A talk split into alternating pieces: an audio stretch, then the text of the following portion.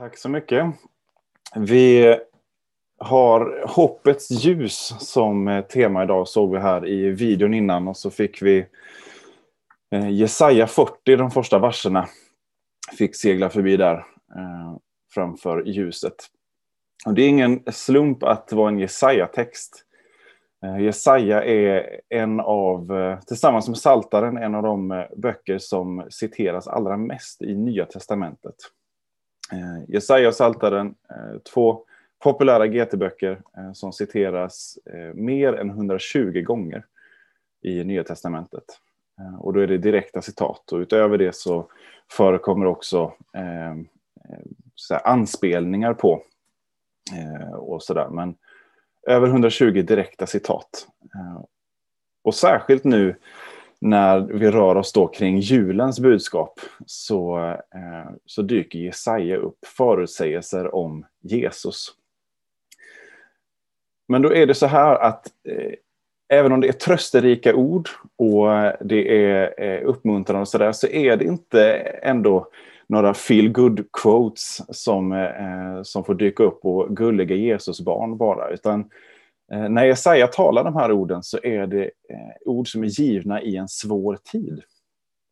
Eh, det är mörker och ångest, krig, sjukdom, korruption, när Jesaja talar så står landet inför dubbla krigshot. Ett som är direkt nära förestående, Assyrien, när Jesaja lever. Men han får också profetera om nästa krigshot, Babylon, som ska resa sig mot landet. Och tidigare så har man haft några bra kungar, eh, ledare. Eh, men Jesaja får också verka i en tid när eh, en orättfärdig kung Eh, får makten och eh, leder in folket återigen i avgudadyrkan. Och det leder till eh, ett samhälle där, där ledarna, inte bara kungen utan andra ledare också, godsägare, markägare, Eh, roffar åt sig och skor sig på folket. Eh, och folket som helhet börjar eh, väldigt snabbt glömma bort vem Herren är och vad Herren har gjort för dem. Och i den här tiden får Jesaja tala Eh, och då eh, ömsom varnar han och ömsom tröstar han. Eh, vi gillar att ta vara på de här trösteorden. De är vi snabba att läsa. Men de står eh, sida vid sida också med, med varningsord. Eh, och eh, ett budskap om att det inte det är ingen liten sak att, att glömma bort Herren, för när vi glömmer bort Herren, när folket glömmer bort Herren, ja då glömmer de också bort allt vad rättfärdighet och sanning är. Och så får synden snabbt eh, utrymme igen att korrumpera. Och orättvisorna växer och eh, förtryckandet av de svaga eh, Eh, växer. Och då varnar, eh, varnar ju, det här ordet som vi fick, eh, fick läsa nu, är både tröst och varning en påminnelse om att människan är gräs och hö. Och att det räcker med en vindpust från Herren så vissnar eh, blommorna och, och höet som är människans litenhet och, och svaghet. Men samtidigt också en tröst om att Herren eh, ska ta bort synden och ondskan och missgärningen. Och så får trösten och, och varningen och påminnelsen om Guds storhet och människans litenhet, men också människans stora förmåga till synd och ondska, få stå sida vid sida. Och så talar Jesaja om att en röst ropar i öknen, Eh, bana väg för Herren. Och det får vi läsa om i Nya Testamentet sen, att det är Johannes döparen som är den rösten som förbereder för när Jesus ska komma banar väg, en röst som ropar i öknen. Och Johannes döparen har också den här dubbelheten som, eh, som Jesaja har. Han både varnar och han tröstar. Han talar om eh, omvändelsen och vikten av att eh, Eh, göra upp med ondskan eh, i våra liv och vända om till Herren. Och samtidigt så talar han också om hoppet, om honom som ska komma, som döper med ett annat dop än det jag döper, säger Johannes. Så jag är inte ens värdig att knyta upp hans sandalremmar. Så stor är den konung som kommer, den rättfärdige konungen.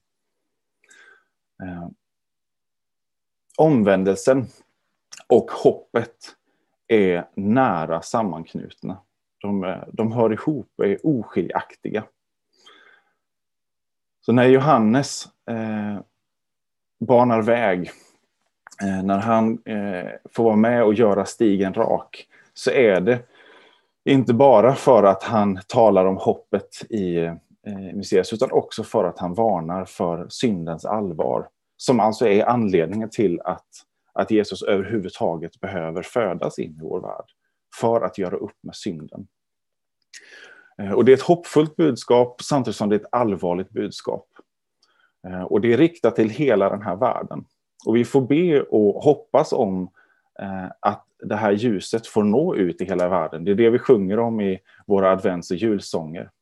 Om att ljusen ska få tändas, tusentals julljus. Och vi får be och hoppas om en, en stor väckelse och att det får gå fram. Men vi måste också ta det här ordet till oss själva. För väckelsen börjar inte där borta någon annanstans hos ett stackars folk som, eh, som behöver min förbön, utan väckelsen behöver börja här hos oss, eh, i vår församling, i mig själv. Där behöver det banas väg, där behöver stigen göras rak, där behöver höjder sänkas och dalar höjas upp. Därför att mitt liv, mitt eget liv, är krokigt av synden.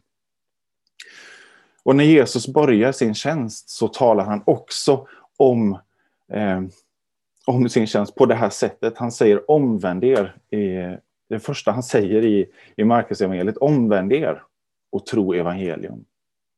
Omvänd er, alltså ta ondskan på allvar. Men hoppas på glädjebudskapet, glädjebudet att Guds rike är nu här. Guds rike är nu tillgängligt därför att Jesus har kommit. Och när vi nu befinner oss i adventstiden så vill jag återigen påminna om att det är en fastetid. Och en fastetid eh, gör man, tar man vara på just genom att ta vara på också de här allvarsorden. Att fasta, att avstå saker, gör någonting med oss. Det får eh, avslöja eh, saker hos oss. Vi kan avstå saker som vi vet är goda och nyttiga. Men när vi Eh, när vi avstår dem så kan vi också märka hur de har fått grepp om oss och hur svårt det kan vara att, eh, eh att låta bli. Vi blir korrumperade av synden. Vi blir korrumperade av allt eh, det till synes goda som vi har runt omkring oss. Och synden i oss gör att vi, eh, vi får fel fokus. Vi använder inte de goda sakerna för Guds skull eller för andra människors skull utan för vår egen skull. Så väcks eh, begäret, ha-begäret. Inte minst när jag sitter och funderar över önskelistan inför jul och alla roliga böcker man skulle vilja ha.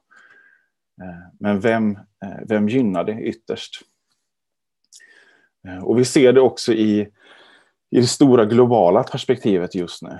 Hur, hur vi i västvärlden, Eh, vi sluter oss eh, under den här pandemin och vi är eh, livrädda om vårt eget och för vårt eget. Eh, och när vaccinen nu släpps så, eh, så köper rika västländer upp eh, stora laddningar, kanske mer än man behöver och så finns inget kvar till, till länder i andra delar av världen att få tag på. Egoismen och orättvisan, den, den finns i den enskildes hjärta men den finns också Eh, i det stora samhällsperspektivet. Därför behöver vi allvarsorden tillsammans med Eh, löftet och hoppet. Så att vi får syn på vad det är i våra liv som vi behöver, inte bara avstå för en tid, det är nyttigt, men också som vi behöver vända oss om bort från helt. Även om ondskan tycks regera, eh, och inte bara i den här världen, eh, utan också i oss, så är just hoppet och trösten det att Gud har stigit in i den här världen. Gud har blivit människa. Och genom att bli människa, genom att födas som ett litet barn i en liten avkrok i romarriket, så krossar han alla förväntningar om hur vi eh, ska skipa rättvisa. Det är inte med, med våld och svärd som vi är vana eh, vid. Utan det är genom att bli en liten svag människa och allas tjänare som Gud går till rätta med synden i oss. Så han överträffar alla våra förväntningar. Och han kan också eh, upprätta varje grusat hopp. För när mörkret och när ondskan blir för överväldigande runt omkring oss eller i oss, så finns hoppet och trösten att Herren gör slut på all missgärning. Och vi ser det i julkrubban, vi ser det i evangelierna, vi ser det genom hela kyrkans liv genom historien. Där vittnesbörden staplas efter varandra som ett långt eh, radband om hur Gud griper in. Inte bara en gång i historien, utan också gång på gång på gång in i människors liv. Och där han vill gripa in i ditt liv och han vill gripa in i mitt liv. För att med sitt ljus eh, bryta igenom och övervinna mörkret. Hade vi varit utlämnade åt oss själva så hade vi bara varit hö. En blomma som vissnar när Herrens ande kommer och blåser på den. Men därför att Jesus eh, bjuder in oss i sitt liv så kan vi veta att när Herrens ande blåser på oss så är vi inte blommor som vissnar längre utan istället får vi vara grönskande vingrenar som sitter på den stora vinstocken, den heliga vinstocken Jesus själv. Och där vi får bära frukt. Frukt som består inte bara i den här världen utan frukt som, som når ända in i evigheten. När vi delar det här hoppet, när vi delar den här trösten, när vi delar de här varningarna med de människor som, som vi har på, på vårt ansvar och som finns runt omkring oss. Är vi Svarar vi på den kallelsen, på den inbjudan från Jesus, så kan vi vila i och veta att han har kämpat och övervunnit mörkret för oss. Och det som väntar är liv och liv i överflöd för oss. Så det finns all anledning att mitt i allvaret och mitt i eh, vinterns mörker och mitt i varningarna ta fasta på, på hoppet och nåden och trösten som Herren vill ge sitt folk.